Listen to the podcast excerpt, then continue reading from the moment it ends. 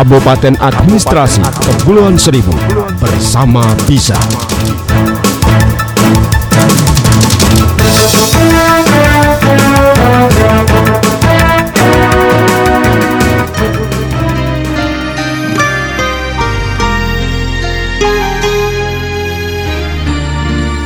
Assalamualaikum warahmatullahi wabarakatuh. Selamat siang pendengar setia Radio Pelawan Seribu. Gabung kembali bersama saya Dharma Hasim edisi ke-13 di bulan Oktober 2020 Dan kesempatan kali ini pendengar setia Radio Pelawan Seribu Sudah hadirkan narasumber kita sama dokter kita yang satu ini. Nah selamat siang dok. Selamat siang. Nah, ah. Bisa kenalin diri dulu deh, dok ya Kalau saya kan udah kenal nih Iya. Nah, Dokter Novianti Nicholas SPA ya, Iya betul. Hmm, yaitu seorang dokter spesialis anak di Rumah Sakit Pulau Seribu. Kepulauan Seribu. Nah, saya mau tanya nih tentang eh, profil dokter lah. Sebelum ditugasin di rumah sakit Mm-mm. eh, daerah ini, gitu ya. Pertama kali dokter jadi eh, tugasnya di mana sih gitu? Sampai akhirnya harus ke mana dok? Gitu. Oke baik. Jadi saya sebenarnya bukan berasal dari Jakarta. Mm-mm. Saya sebelumnya bertugas di Manado, Sulawesi Utara. Lumayan Jadi- cukup jauh dok ya? Ya, Bisa bisa sampai ke sini gitu. iya. Karena dulu waktu pendidikan dokter umum saya di Jakarta. Mm-mm. Lanjut pendidikan dokter spesialis di Manado. Lanjut bekerjanya di Rumah Sakit Prof Kandau Manado. Hmm. Iya. Setelah itu baru hijrah ke sini. Di Manado itu kira-kira berapa lama dok? Hmm, beberapa tahun. Berapa tahun ya? Ya. Sampai akhirnya eh, menetaplah ke kawasan Pulau Seribu. Kira-kira Ya. Manado sama Pulau Seribu hampir mirip nggak sih sama masyarakatnya gitu? Hmm, berbeda. Nah, berbedanya pasti karena dokter ini spesialis anak gitu ya. Heeh. Terus di Pulau Seribu anak-anaknya seperti apa sih kalau menurut dokter selama ya karena kan udah cukup lama. Berapa lama sih dok di sini Su- sudah bertugas di rumah sakit Di daerah? RSUD Kepulauan Seribu sudah setahun. Setahun ya? Setahunan. Mm-mm. Mm. Berarti udah sudah kenal lah eh, beberapa eh, anak-anak gitu ya di, di kawasan Kepulauan Seribu gitu. Iya. Karena kita hari ini temanya tentang anak sakit, kapan harus ke dokter dok? Nah jadi kadang saya juga punya anak nih dok dua ya kan, eh, usianya sekitar eh, dua tahun sama lima tahun. Iya. Nah anak pertama itu memang agak sulit sih dok ya, karena kita sebagai orang tua muda nggak paham betul nih soal kayak gini. Apalagi kalau anak soal yang bisa dibilang sakit gitu ya dok. Iya. Nah, dokter bisa jelasin nggak sih anak yang benar-benar sehat itu seperti apa gitu? Oke, anak sehat ya. Mm-mm. Jadi anak sehat itu ada beberapa item gambaran gambarannya lah. Iya.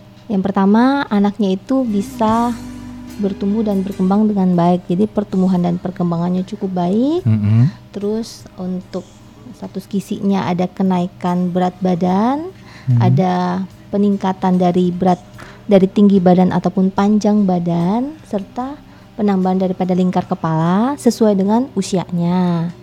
Terus yang kedua, anaknya itu tampak aktif. Dia ceria, gesit, gembira. Mm-mm. Itu tanda anak yang sehat. Yang ketiga, anaknya itu mampu beradaptasi dengan lingkungannya. Terus selain itu secara fisik eh, dari rambut misalnya rambut kulitnya itu tampak bersih, matanya tampak bersinar, ada kontak mata, Hmm. terus bibirnya juga s- terlihat segar, anaknya tersenyum, gembira, nafsu makannya bagus, kurang lebih seperti itu anak sehat. Itu secara physically gitu dok ya. physically, iya. Tapi kalau secara eh, secara medis selain physically yang eh, secara dilihat dari kasat mata gitu dok. Tapi secara medis eh, s- ada lagi nggak sih ciri-cirinya? Oke, secara medis yang kita nilai pasti dari pemeriksaan fisik semua dokter ini. Mm-mm. Yang paling pertama kita lihat keadaan umumnya, anaknya sadar atau tidak, Mm-mm. kesadarannya full atau menurun. Hmm. Ada penilaiannya, ada namanya G- GCS. Jadi GCS. penilaian kesadaran pada anak. Hmm. Terus eh, kalau pada bayi kita lihat refleksnya bagaimana, baik, menurun, Terus kita nilai tanda-tanda vitalnya Mm-mm. dari tensi, anak pun mulai ditensi ya. Dari Mm-mm. umur satu tahun ke atas anak itu sudah ditensi. Oh, Mm-mm. jadi itu sebenarnya soal physically selain mereka itu ceria gitu ya, aktif dari secara physically tinggi Ada badan, berat badan gitu ya. Tapi ada medis juga Iya, gitu ada ya. penilaian khusus yang mungkin kita kita yang dokter ini tidak, maksudnya mungkin awam tuh tidak Iya. tidak bisa menilai hal Kalau itu. kalau kita tapi- kan kayak saya seorang awam nggak tahu soal kayak gitu Iya, dok.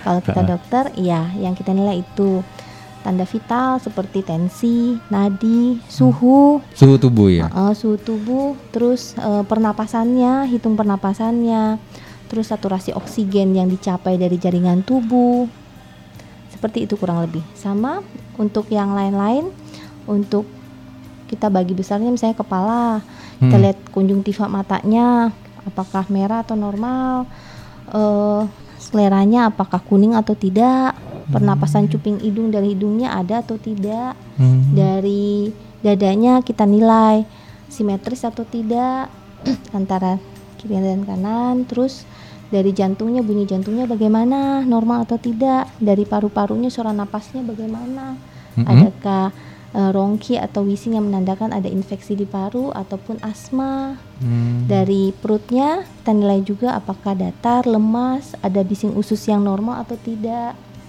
Oh, jadi sebenarnya cirinya banyak juga ya. Banyak. Heeh. Gitu menurut dokter kan karena paham soal kayak gitu. Saya sebagai orang tua Ah. udah lebih banyak tahu nih soal kayak gini dok ya. Iya.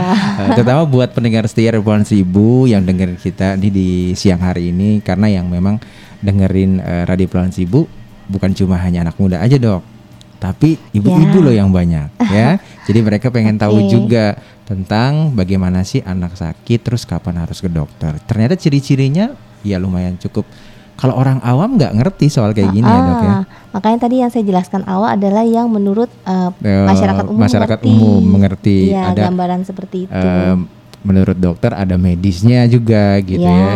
Jadi memang banyak sebenarnya ciri-cirinya selain anak aktif. Betul. Kadang dok dari anak aktif ada juga nggak sih sebenarnya ciri-ciri yang eh, menandakan bahwa sebenarnya anak itu rentan eh, terkena penyakit gitu dok? Oke, untuk ciri atau tanda anak yang sakit Mm-mm. itu kita bedakan tiga poin besar aja. Yang pertama ya dari keluhan, keluhan, keluhan. gejala yang Mm. dialami oleh pasien anaknya sendiri.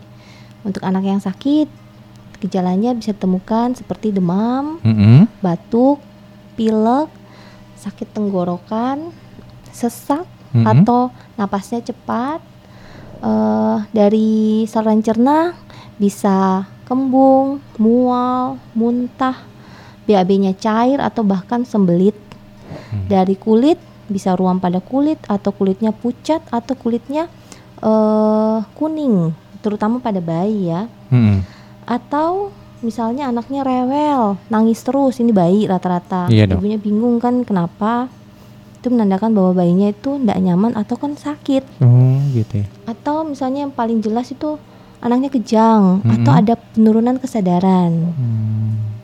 Kalau penurunan kesadaran kadang ibu-ibunya bisa ngerti itu benar penurunan kesadaran atau Hmm. bisa juga kenapa ya anak saya tidur-tidur terus Iya ya. tidur terus terus rewel terus malamnya nggak mau tidur gitu ya. Responnya kenapa nurun ya? Mm-mm.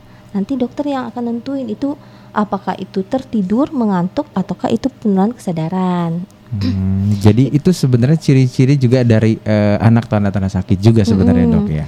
Yang lainnya Mm-mm. itu kan dari keluhan. Mm-mm. Garis yang keduanya, garis besar kedua, ya garis besar keduanya itu dari eh, pertumbuhan perkembangannya sesuai usia, jadi tidak Hmm. terlambat. Oh. Yang ketiga dari penilaian gisinya, status gisinya. Gisinya gizi baik dong. Iya, Gimana pasti ya. kita menilai gizi baik ya? Kita harus tentukan adanya kenaikan berat badan, Hmm. adanya tinggi tinggi badan atau panjang badan yang sesuai dengan usianya. Gitu. itu tanda anaknya itu eh, kalau misalnya dia sehat, kenaikan berat badan dan eh, range dengan panjang badannya itu sesuai, tapi kalau dia sakit ya Biasanya dia nggak ada kenaikan sama sekali gitu ya ya. Eh, mungkin ada kenaikan tapi tidak terkejar dengan usianya Oh. atau tidak berimbang dengan tinggi badannya. Akhirnya anaknya jatuh ke fase gizi kurang dulu, Mm-mm. nanti turun ke gizi buruk Oh. atau stunting perawakan pendek yang artinya itu biasanya tuh kegagalan dalam pertumbuhan gitu. Sebenarnya eh, agak sangat mengkhawatirkan juga sebenarnya dok ya eh, kalau orang tua nggak paham betul tentang hal kayak gini gitu ya. Betul. Tapi tahan dulu dok. ya, ditahan dulu semuanya pasti pendengar juga pengen tahu eh, biasanya penyakit apa sih yang sering dialami sama anak-anak kita gitu ya. Terus penanganannya kita sebagai orang tua, apalagi saya juga pernah jadi orang tua punya anak pertama gitu kan sama anak kedua berbeda. Tapi ditahan dulu ya nanti jawabnya dok setelah yang satu ini. Pendengar siap Wansi Ibu jangan ke mana-mana. Setelah yang satu ini nanti saya Dharma akan kembali lagi bersama Dokter Novita.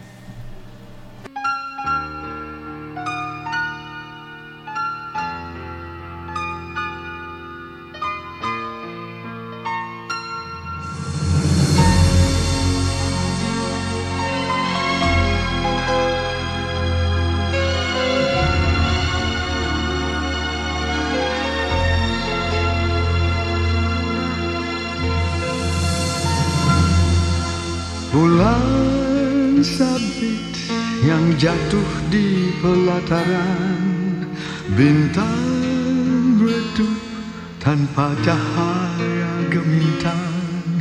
Langkah tanpa arah sesat di jalan yang terang.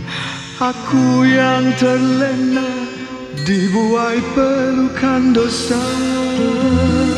Ingin pulang membalut luka hatimu. Ku pun tahu betapa pedih batinmu. Beri kesempatan atau jatuhkan hukuman. Andai maaf pun tak kau berikan. Air mata tulus jatuh di sudut bibirmu. Tak terlintas dendam di bening mata indahmu Aku yang merasa sangat berdosa padamu. Masih pantaskah mendampingimu? Biarlah bulan bicara sendiri. Biarlah bintang kan menjadi saksi. Takkan ku ulangi Walau sampai akhir nanti Cukup derita sampai di sini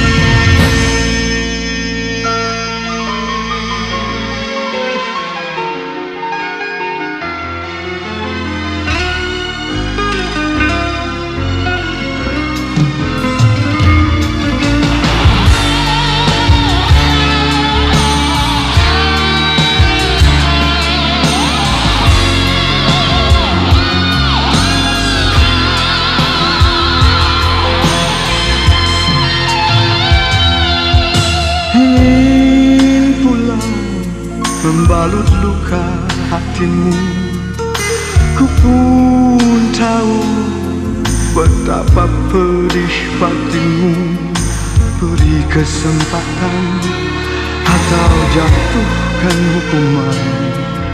Andai maaf pun tak kau berikan. Air mata tulus jatuh di sudut bibirmu terlintas dendam di bening mata indahmu. Aku yang merasa sangat berdosa padamu. Masih pantaskah ku mendampingimu? Biarlah bulan bicara sendiri. Biarlah bintang kan ku ulangi Walau sampai akhir nanti Cukup derita sampai di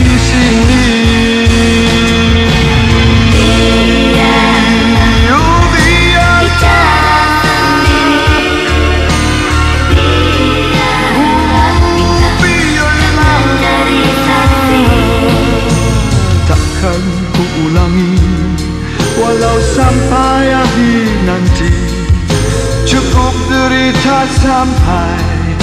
sini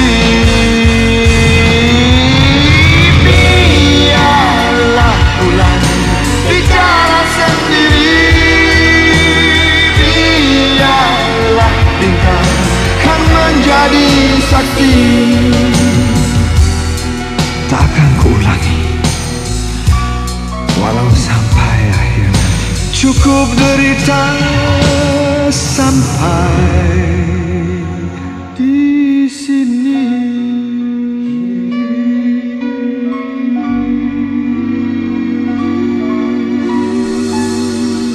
Kembali lagi bersama Radio Kepulauan Seribu 94.1 RKS FM Masih bersama Dharma dan juga Dokter Novianti. Ya dok, gimana ngedenger lagunya? Asik banget ya. Oke.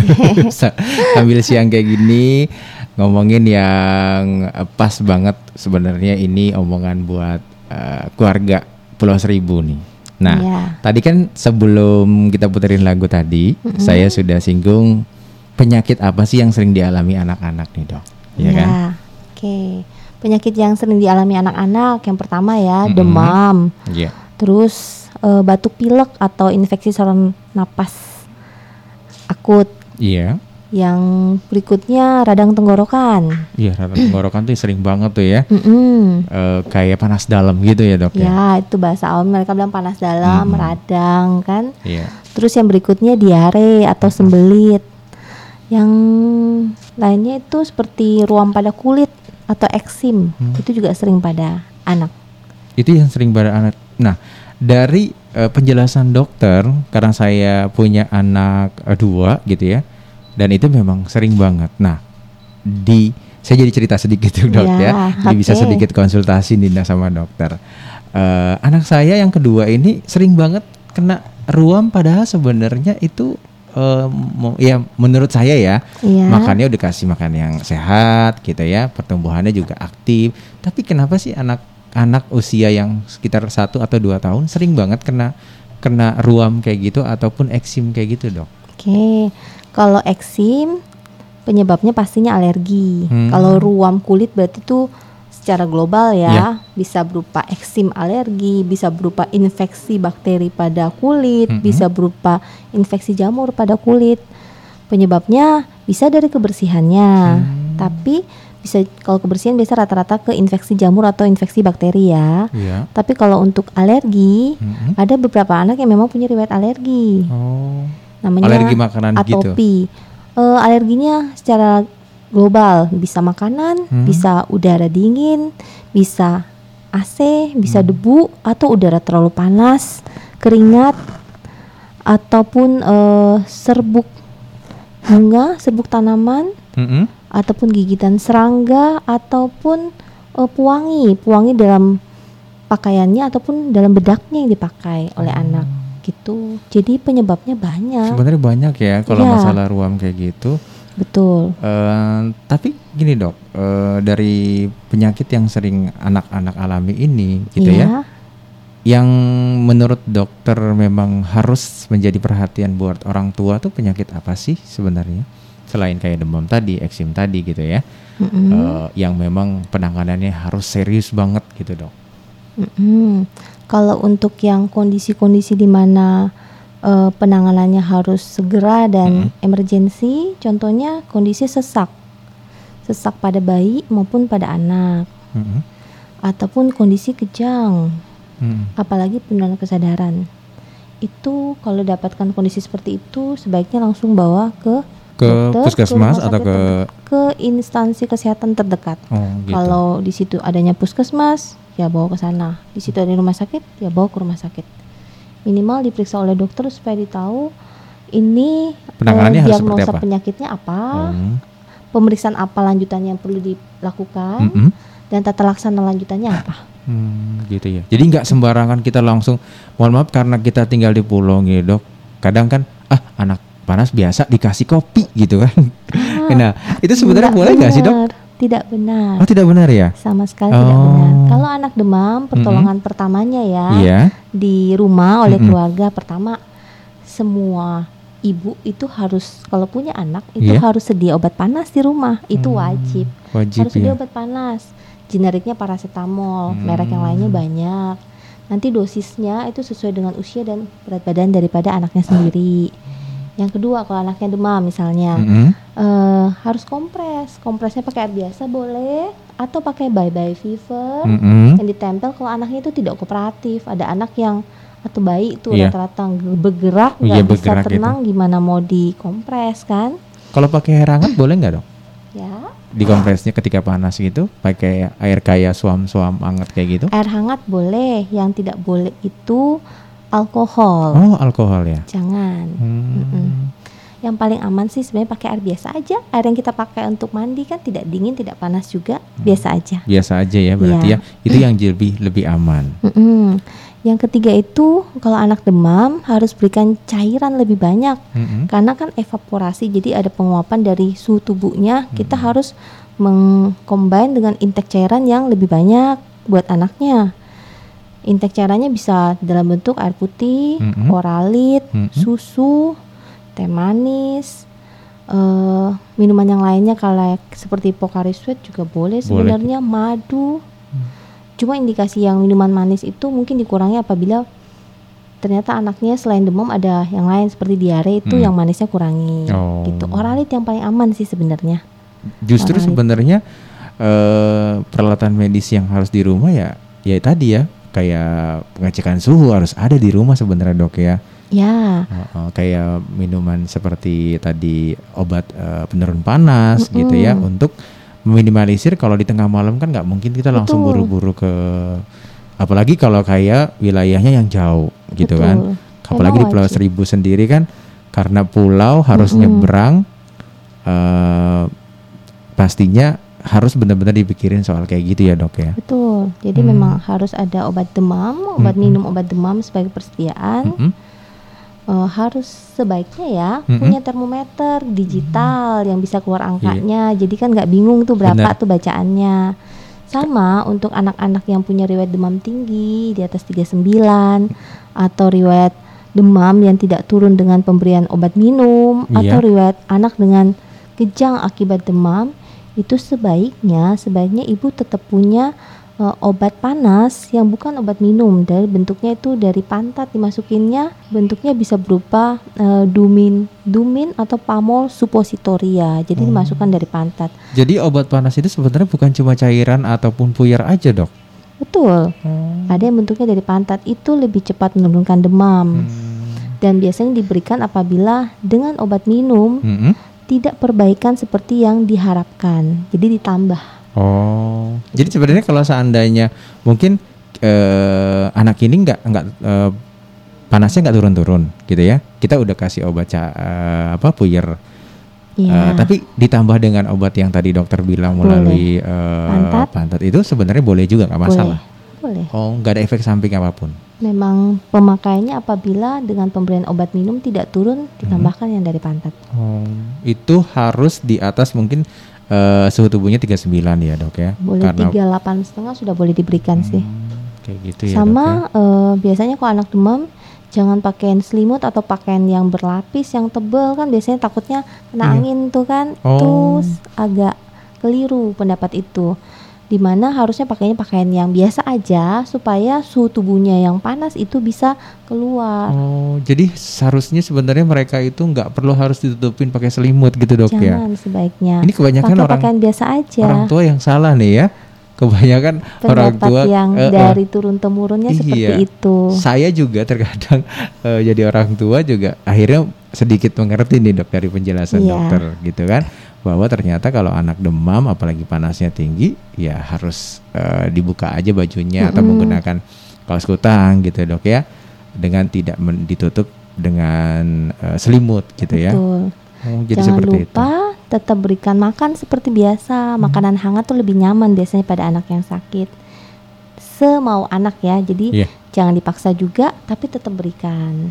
Hmm. Dan biarkan anaknya kalau memang dia demam dan tertidur ya biarkan dia tidur dulu dengan tenang. Hmm. Begitu biarkan efek obatnya bekerja sambil anaknya tertidur. Nah, kira-kira kalau seandainya memang tidak eh, turun-turun gitu ya atau sampai besok, itu harus berarti kita harus segera membawa anak kita ke eh, puskesmas terdekat gitu, Dok. Kalau seandainya biasa demam tinggi tidak turun dalam satu hari itu meskipun pemberian obatnya sudah sesuai cara pakainya, sudah sudah sesuai dosisnya, Mm-mm. bawa periksa ke dokter terdekat. Iya. Mau di rumah sakit boleh, mau di puskesmas boleh, mau di klinik boleh, mau di praktek pribadi boleh. Supaya dinilai oleh dokternya lakukan pemeriksaan fisik apakah ada pemeriksaan penunjang lainnya yang dibutuhkan untuk menegakkan diagnosa Hmm. dan bagaimana tata laksananya.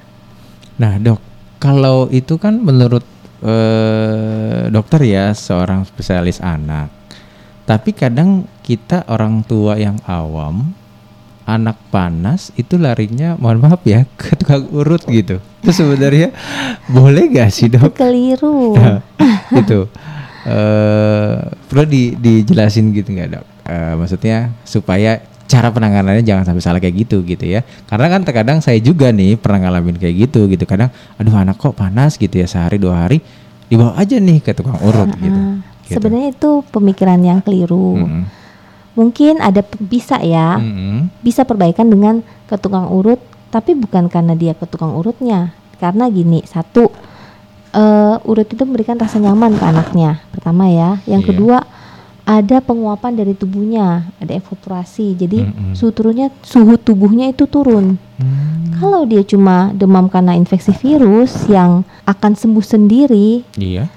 demam oleh infeksi virus itu bisa self limiting disease. Mm-mm. Jadi artinya bisa sembuh sendiri. Beberapa beberapa itu bisa sembuh sendiri. Itu akan terlihat efeknya anaknya jadi kelihatannya sembuh. Iya. Tapi kalau demam oleh penyebab yang lain, misalnya infeksi bakteri, tidak akan perbaikan. Dan kalau memang sudah diberi waktu untuk ke tukang urut dulu, dilihat dulu, itu berarti ada penundaan waktu untuk dibawa berobat ke dokter kan. Hmm. Kalau pada saat dibawa berobat ke dokter ternyata masih baik, masih boleh ditolong, syukur. Iya. Tapi kalau terlambat Iya, dan berefek ke timbulnya gejala yang lain, misalnya jadi sesek, itu kan kesian anaknya, Hmm. gitu. Jadi sebaiknya bawa ke medis Iya. yang memang sudah tahu Sudah. bahwa itu benar. memang harusnya kalau anak demam ataupun memang eh, tanda-tanda yang tadi dari eh, dokter medis bilang ya harus segera ke dokter gitu ya. Ya, tangani dulu di rumah, berikan obat panas, kompres, beri minum. Kalau misalnya demamnya tinggi boleh dimasukin dari pantat, selebihnya kalau tidak ada perbaikan bawa ke dokter.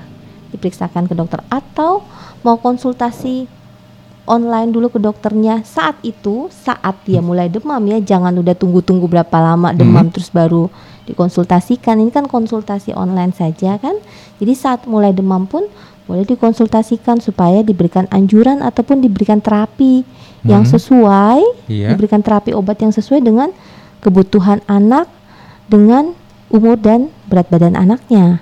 Nanti kalau ternyata tidak perbaikan setelah satu hari atau dua hari demamnya tidak perbaikan meskipun sudah dikonsultasikan ke dokter, sudah dikasih obat juga, bawa periksa langsung. Mungkin perlu pemeriksaan lab untuk men- menilai apakah ada infeksi bakteri atau infeksi virus yang diderita oleh anak yang memerlukan perawatan yang lain. Perlu penanganan dari medis itu sendiri. Betul. Nah, tadi kan dokter bilang katanya ada eh, melalui eh, platform resmi. Nah, eh, tadi kayak dokter mohon maaf eh, perbincangan kita di luar ini ya sebelum eh, kita siaran katanya melalui kayak hello gitu kan. Nah, itu sebenarnya boleh nggak sih dok? Oke, jadi gini, untuk saat ini Mm-mm. di masa pandemi ini terutama ya, Mm-mm. yang tadi kapan kita eh, Harus bawa anak ke kapan dokter. kita bawa harus bawa anaknya ke dokter? Iya. Kalau misalnya tadi gejala seperti batuk, Batuk, gitu pilek, kan. demam, sesak, eh, muntah atau diare, Sembelit. kejang itu dengan penanganan yang kita lakukan di rumah itu tidak perbaikan Iya, ataupun tidak ada efeknya gitu ya. Heeh, itu tidak perbaikan boleh bawa ke dokter di rumah sakit boleh. Apalagi untuk kondisi kejang, sesak dan penurunan kesadaran itu langsung harus dibawa ke Rumah sakit. rumah sakit terdekat atau di puskesmas supaya diperiksa oleh dokternya. Tapi kalau misalnya keluhan lain misalnya batuk pilek, sakit tenggorokan, muntah, diare, untuk yang awal ya, Iya. awal mulai gejalanya timbul itu boleh dikonsultasikan secara online melalui beberapa platform yang sudah ada dan sudah diakui dan bisa dipertanggungjawabkan. Contohnya yang sering eh, orang-orang pada tahu nih pasti Iya, ya, iya, Halodoc pasti. Eh, eh. ataupun Grab. Di Grab itu Iya. ada bagian kesehatannya itu isinya eh, konsultasi online dengan dokter ataupun klik dokter. Itu boleh. Nanti di sana konsultasikan apa keluhan anaknya, eh, bagaimana sarannya, berapa lama harus dinilai diobservasi sampai ternyata kalau tidak perbaikan harus langsung bawa ke dokter akan disampaikan. Ibu boleh bertanya dan dokternya biasanya akan menyampaikan seperti itu. Dan anjurannya kalau konsultasi online sebaiknya memang melalui platform yang resmi karena itu diakui dan eh, disetujui oleh organisasi profesi masing-masing. Mm-mm. Kita sebut itu telemedicine. Oh. Jadi konsultasi seperti pemeriksaan dokter tapi bentuknya konsultasi Iya. eh, bisa dilakukan peresepan obat secara digital Iya. tanpa harus ada bukti fisik resep asli dan boleh ditebus di apotek itu di disetujui memang Itu sah gitu ya. ya mm-mm. sebaiknya seperti itu melalui platform resmi itu ada eh, pertanggungjawabnya kenapa karena platform resmi itu merupakan pihak ketiga antara dokter dengan pasien di Hmm. mana eh, ada bukti fisik percakapan melalui chattingnya Mm-mm. Ataupun kalau melalui zoom meeting ada videonya yang Videonya. direkam Mm-mm. dan semua pasien yang konsultasi oleh dokternya melalui platform itu harus dibu- dibuatkan resume medis, ringkasan keluhan pasien dan tata laksananya apa seperti kalau kita di rumah sakit lagi buat status pasien. Hmm. Jadi memang ada keterangannya secara lengkap. Eh, untuk konsultasi online by private pribadi japri Iya. ke dokternya langsung antara pasien dan dokter misalnya melalui WA ya, Iya. WA chat tanpa ada pihak ketiga sebenarnya itu tidak disarankan. Hmm. Mengapa? Karena tidak ada kekuatan hukumnya. Ada apa-apa ke belakang itu konsekuensi masing-masing. Lain halnya kalau kita melalui platform, bedanya seperti itu. Oh, jadi eh, sebenarnya melalui eh, platform yang aman ada pihak ketiga ini sebenarnya mau hampir eh, persis kayak kita kunjung ke rumah sakit dok ya? Ya, bedanya cuma kita lebih menguatkan di anamnesa pasien karena tidak melakukan pemeriksaan fisik langsung. Tapi untuk kasus-kasus di mana butuh pemeriksaan fisik langsung, contohnya ya kasus benjolan, mohon. perdarahan, itu Mhm. pasti kita langsung arahkan untuk datang. periksa periksa ke dokter. Hmm. Jadi kita tidak memberikan jawaban ini apa, diagnosa apa, terapi apa, tapi kita pasti akan bilang tolong periksakan ke dokter karena itu mesti dinilai melalui pemeriksaan fisik. Ada yang bisa dinilai harus dinilai melalui pemeriksaan fisik, ada yang bisa melalui anamnesa tanya jawab keluhan pasien. Oh. Seperti itu. Itu mungkin alasannya kenapa saat ini apalagi di saat pandemi kayak gini memang butuh eh, platform ini sebenarnya ya. Tapi secara resmi ya dok ya. Ya, Eh, kalau secara japri ya itu masing-masing antara si dokter sama si pasien nggak Iya. bisa bertanggung jawab gitu ya dok ya. betul. Hmm, gitu ya. Tapi emang harus lebih efisien di saat pandemi kayak gini. Kalau kita pikir eh, mungkin takut rentan anaknya gitu ya terkontaminasi soal Betul. eh, pandemi atau virus corona ini, mungkin lebih konsultasi aja dulu ke dokter gitu ya dok ya. Betul. Oke dok, Em, selanjutnya saya juga mau tanya tentang, eh, nah soal virus corona di Indonesia saat ini gitu ya. Anak-anak Iya. sebenarnya rentan nggak sih? Sebenarnya rentan atau enggak? Rentan. Jawabannya rentan. Kenapa? Yang pertama ya, eh, melalui data yang kami organisasi profesi itu kumpulkan melalui Mhm. Ikatan Dokter Anak Indonesia, angka kesakitan dan kematian karena COVID-19 ini cukup tinggi pada anak. Hmm. Itu yang pertama. Yang kedua, eh, tata laksana pencegahan penularan daripada COVID-19 melalui 3M. Mm-mm. 3M itu yang selalu Hmm. disosialisasikan Menggunakan 3M. masker itu ya? Jadi memakai masker, Mm-mm. mencuci tangan, Iya. dan menjaga jarak. Nah, 3M itu untuk penularan daripada COVID-19 pada Mm-mm. anak otomatis mereka tidak akan mungkin mengerti semengerti kita dewasa kan? Iya. Meskipun otomatis kita kita sebagai orang tua itu harus mengedukasi, wajib mengedukasi 3M itu ke anak yang sudah mulai mengerti. Hmm, mengerti dan paham tentang pandemi virus corona ini. Ya, gitu dan ya. bagaimana pencegahannya. Nah, di anak itu kita tidak bisa men-setting mereka untuk punya kemampuan memahami Mm-mm. seperti dewasa. Jadi Hmm. tidak mudah. Contoh yang jelasnya ya, Mm-mm. dari Ikatan Dokter Anak Indonesia itu masih menyarankan untuk eh, sistem sekolah melalui metode online atau daring, Iya. bukan melalui tatap muka langsung. Mengapa? Ya karena itu. Karena untuk meminimalisir dari penyebaran virus corona itu ya, Dok. Karena untuk meminimalisir daripada penurunan virus corona, karena kesadaran anak tidak akan sama seperti kesadaran orang dewasa. Benar, Dok. Karena buktinya angka kesakitannya masih tinggi Hmm. pada anak. Jadi bukan hal yang mudah ya, tetap anak itu rentan. Jadi anak itu sebenarnya lebih rentan ketimbang orang dewasa ataupun ya mohon maaf di atas dewasa seperti lansia gitu gitu Dok, ya. Sebenarnya yang rentan itu pertama pasti lansia, Iya. kedua anak, Hmm, ketiga baru usia produktif.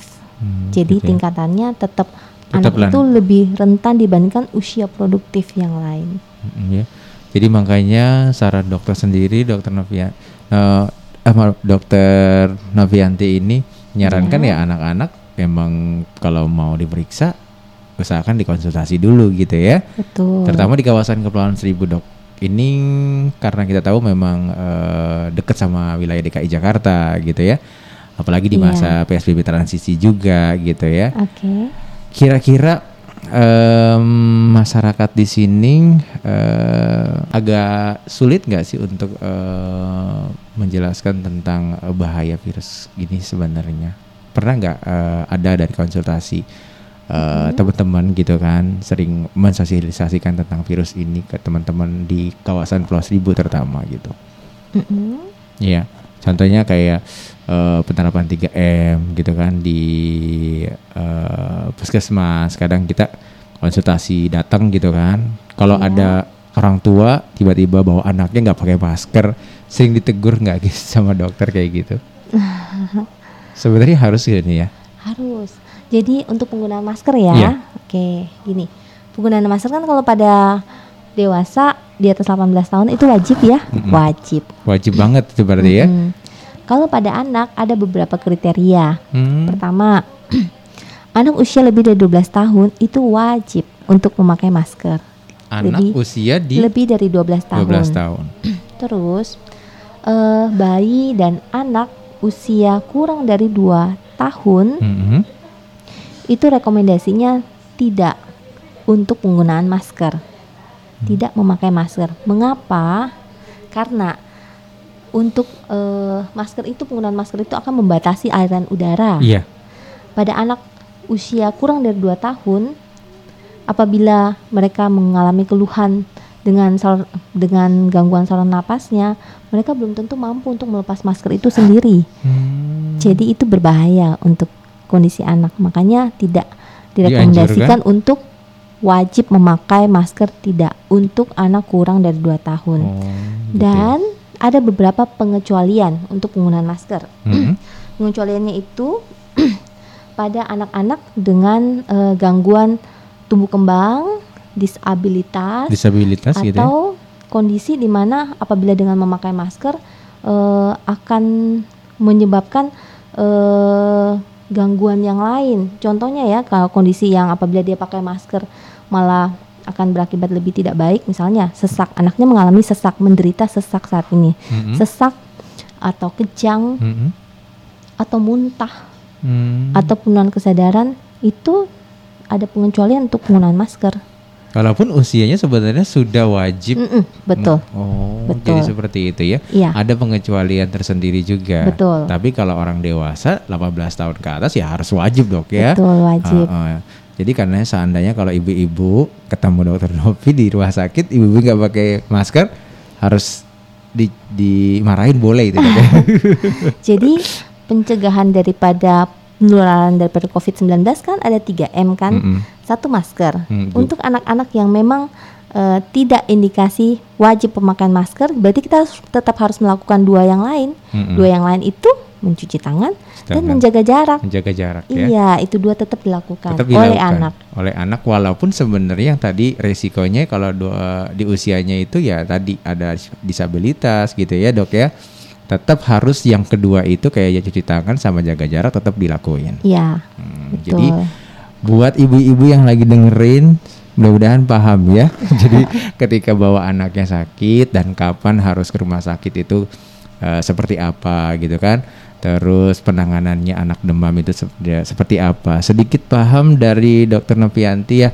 Tapi sebenarnya ada Iya. pertanyaan lain. Sebelum itu nanti kita istirahat dulu ya dok ya. Oke. Kita putri lagu dulu dari Bu Rima Rantika dengan Mengapa Tiada Maaf. Jadi jangan ke mana-mana. Dharma dan juga Dokter Novianti akan kembali setelah yang satu ini.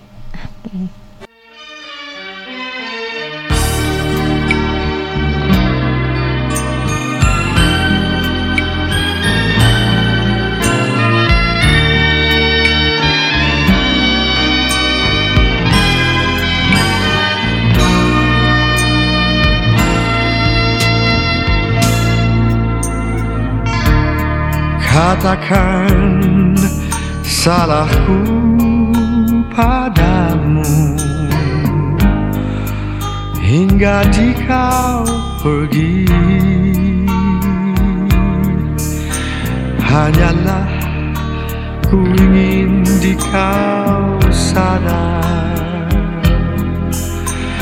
Sampai hari ini ku tetap menunggu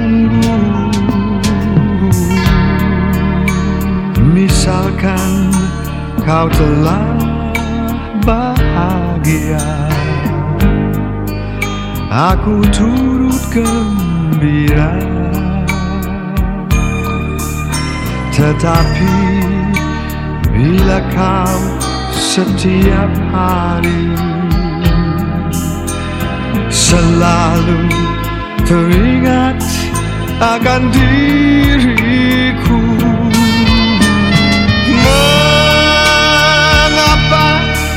tiada kau maafkan. Mengapa ku bertanya? Mengapa tiada maaf darimu? Ku tahu pasti hatimu padaku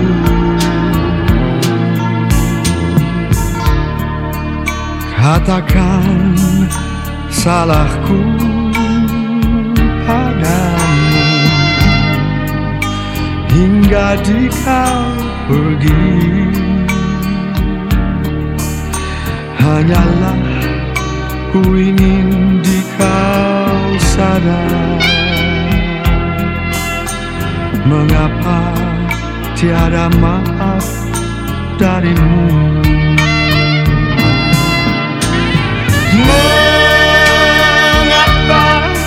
tiada kau maafkan. Mengapa ku bertanya? Mengapa tiada maaf darimu? Ku tahu pasti hatimu padaku Katakan salahku padamu. Hingga di kau pergi Hanyalah ku ingin di kau sadar. Mengapa tiada maaf darimu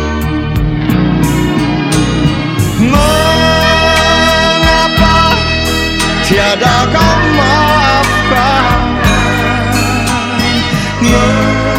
Mengapa ku bertanya? Mengapa tiada maaf darimu? Ku tahu pasti hatimu padaku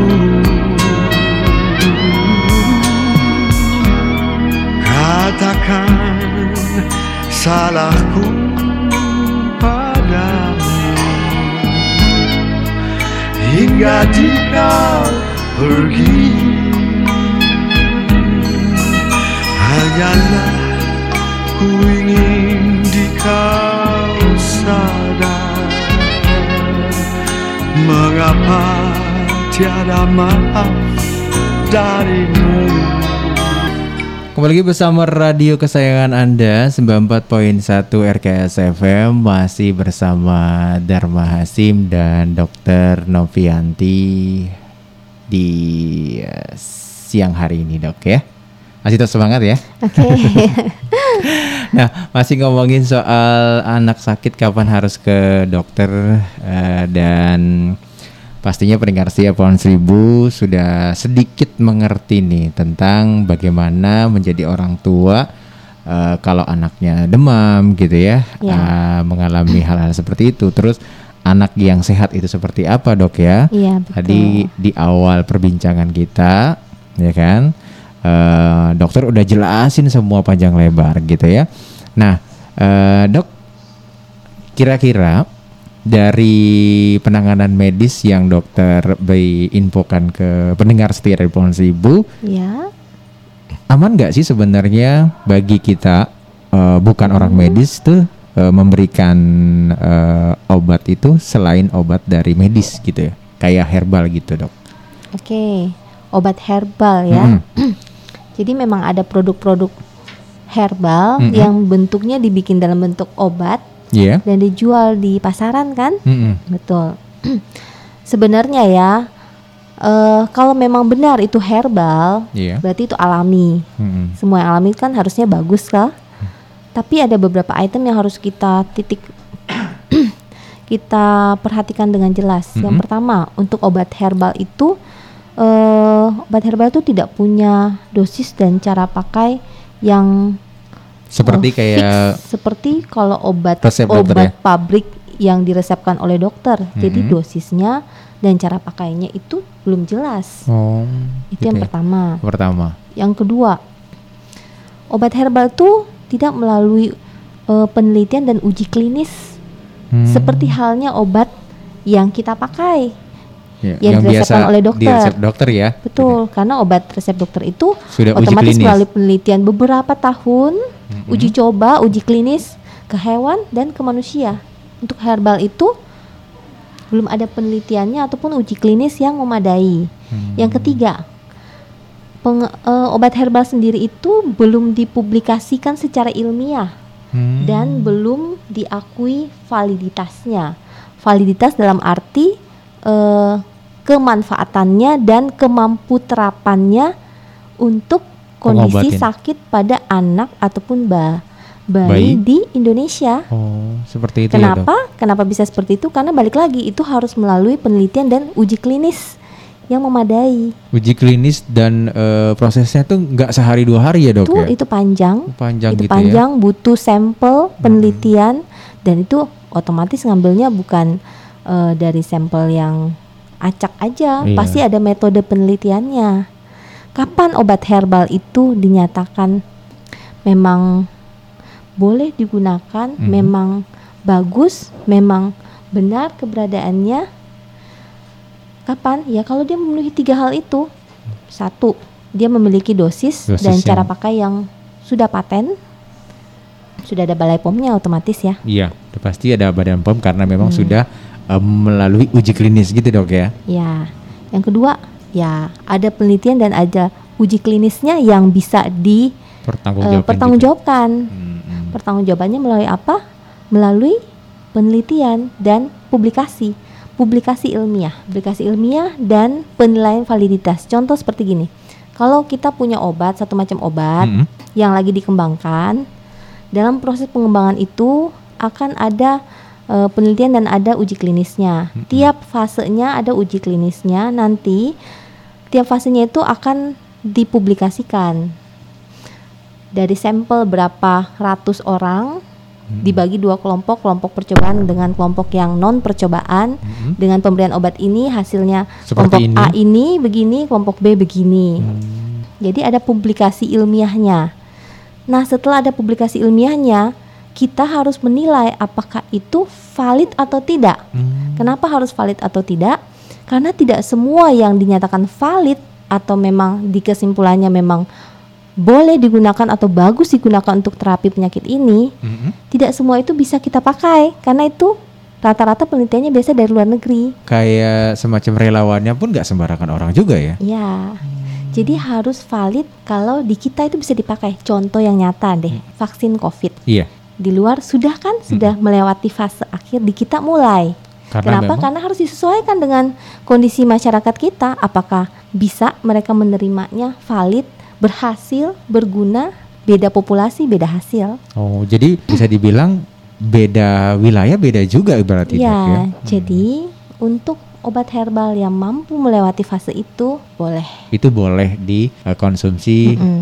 Secara massal sama orang gitu ya melalui Mungkin tiga tahap beberapa. itu ya. Ya, mungkin beberapa obat yang pernah saya lihat ada hasilnya yang Hmm. dipublikasi. Contohnya obat COVID yang dari China, Mm-mm. Lianhua itu memang ada publikasi secara ilmiahnya. Mm-mm. Kenapa? Karena mungkin genjar-genjar banyak banget yang Iya. memakai obat itu dan diteliti lah. Mm-mm. Makanya diteliti lah gitu hasilnya ya bagaimana. Dan dicoba sama orang Indonesia terutama pakar medis itu sendiri gitu ya Waktu dok. yang aku baca itu bukan jurnal dari Indonesia, Hmm. jurnal dari luar.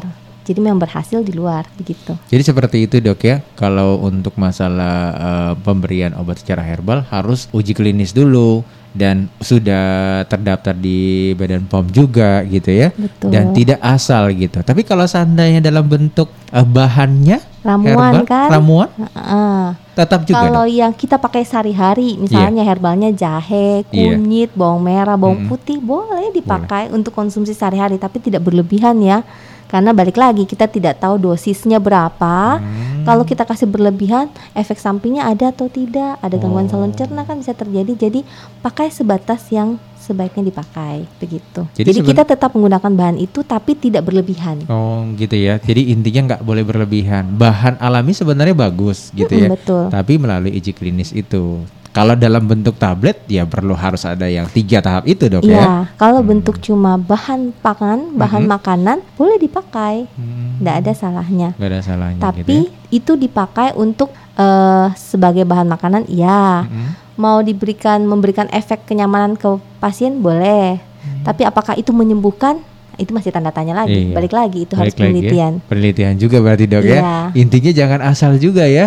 tadi yang kita ngomong ataupun tadi saya bilang kalau anak Steve katanya dikasih kopi gitu sebenarnya Enggak, salah itu gitu ya. bener. Nggak bener gitu ya. Anak step ya bawa segera ke rumah sakit ditolong, diberikan oksigen dulu Nah. pertama, diatasi kejangnya. Iya kadang mungkin di orang maaf ya maksudnya bukan ngelihat tapi di keadaan ki- luar lingkup kita seperti itu mungkin dokter pernah mendengarkan hal itu gitu ya. Apalagi saya asli orang pulau kadang seperti itu bilang katanya kalau anak tip atau panas tiba-tiba kejang gitu kan ya udah kasih itu aja gitu. Padahal sebenarnya ya karena kita takut mohon maaf ya ruang lingkupnya seperti itu ya kita kasih lah anak kita padahal sebenarnya nggak ada efek apa-apa Nggak ada gitu efek ya apa-apa. Kalaupun ada sugesti bahwa anaknya hilang stepnya setelah itu tidak step ulang, ya karena memang anaknya cuma satu kali stepnya, bukan berulang.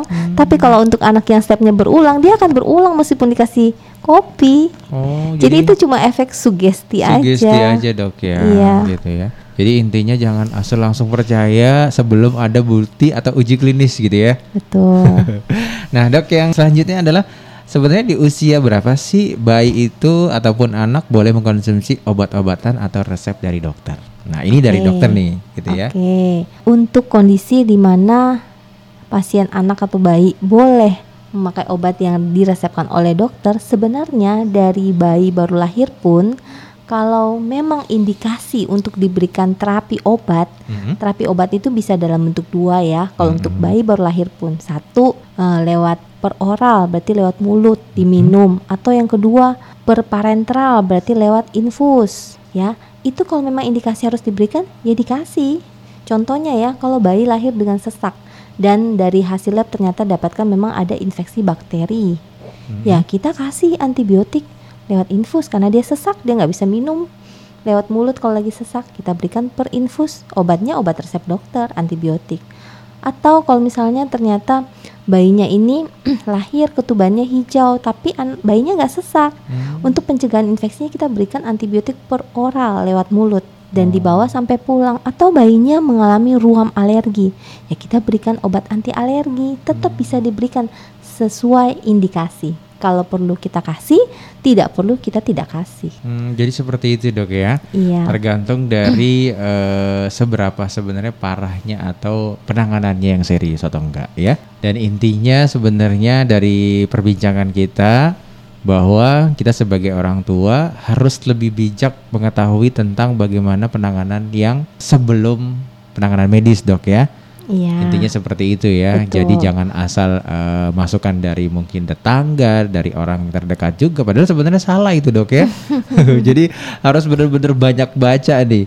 Dan terima kasih sebenarnya banyak banget loh yang saya mau tanya ini. Mungkin pendengar setia dari Polisi juga pengen tahu juga. Nah, Oke. sedikit lah eh, sebelum kita tutup ini kali mungkin eh, pendengar setia Respons Ibu juga pengen tahu kapan sih jadwal dokter spesialis di rumah sakit terutama di Kepulauan Seribu dok. Jadi Oke. mungkin lebih kalau lagi dengar ada di Kepulauan Seribu ya utara selatan bisa dengerin kita. Oh iya saya mau ke Pulau Seribu jadi ke sana nggak sia-sia gitu dok. Oke. Gitu. Kira-kira Oke. jadwalnya kapan aja sih sebenarnya? Jadwal praktek dokter spesialis anak Mm. di Pulau Seribu ada dua dokter anak. Mm-mm. Jadwalnya dibagi dua. Saya dokter Novianti di hari Senin sampai Rabu Mm-mm. jam 8 sampai jam 1 untuk poli ya. Iya. Poli poli anak. Yang dokter satu lagi dokter Victor di hari Kamis sampai Sabtu. Hmm. Jadwal yang sama jam 8 sampai jam 1. Itu jadi udah tahu dulu ya pendengar setia pohon seribu. Jadi eh, jangan sampai salah waktu gitu ya. nah pendengar setia pohon seribu akhirnya di penghujung kita ini terima kasih ya dok sudah Ya, mampir ke radio pohon seribu dan sedikit banyak akhirnya ada pencerahan bahwa anak-anak eh, kalau sakit kapan harus ke dokter gitu ya.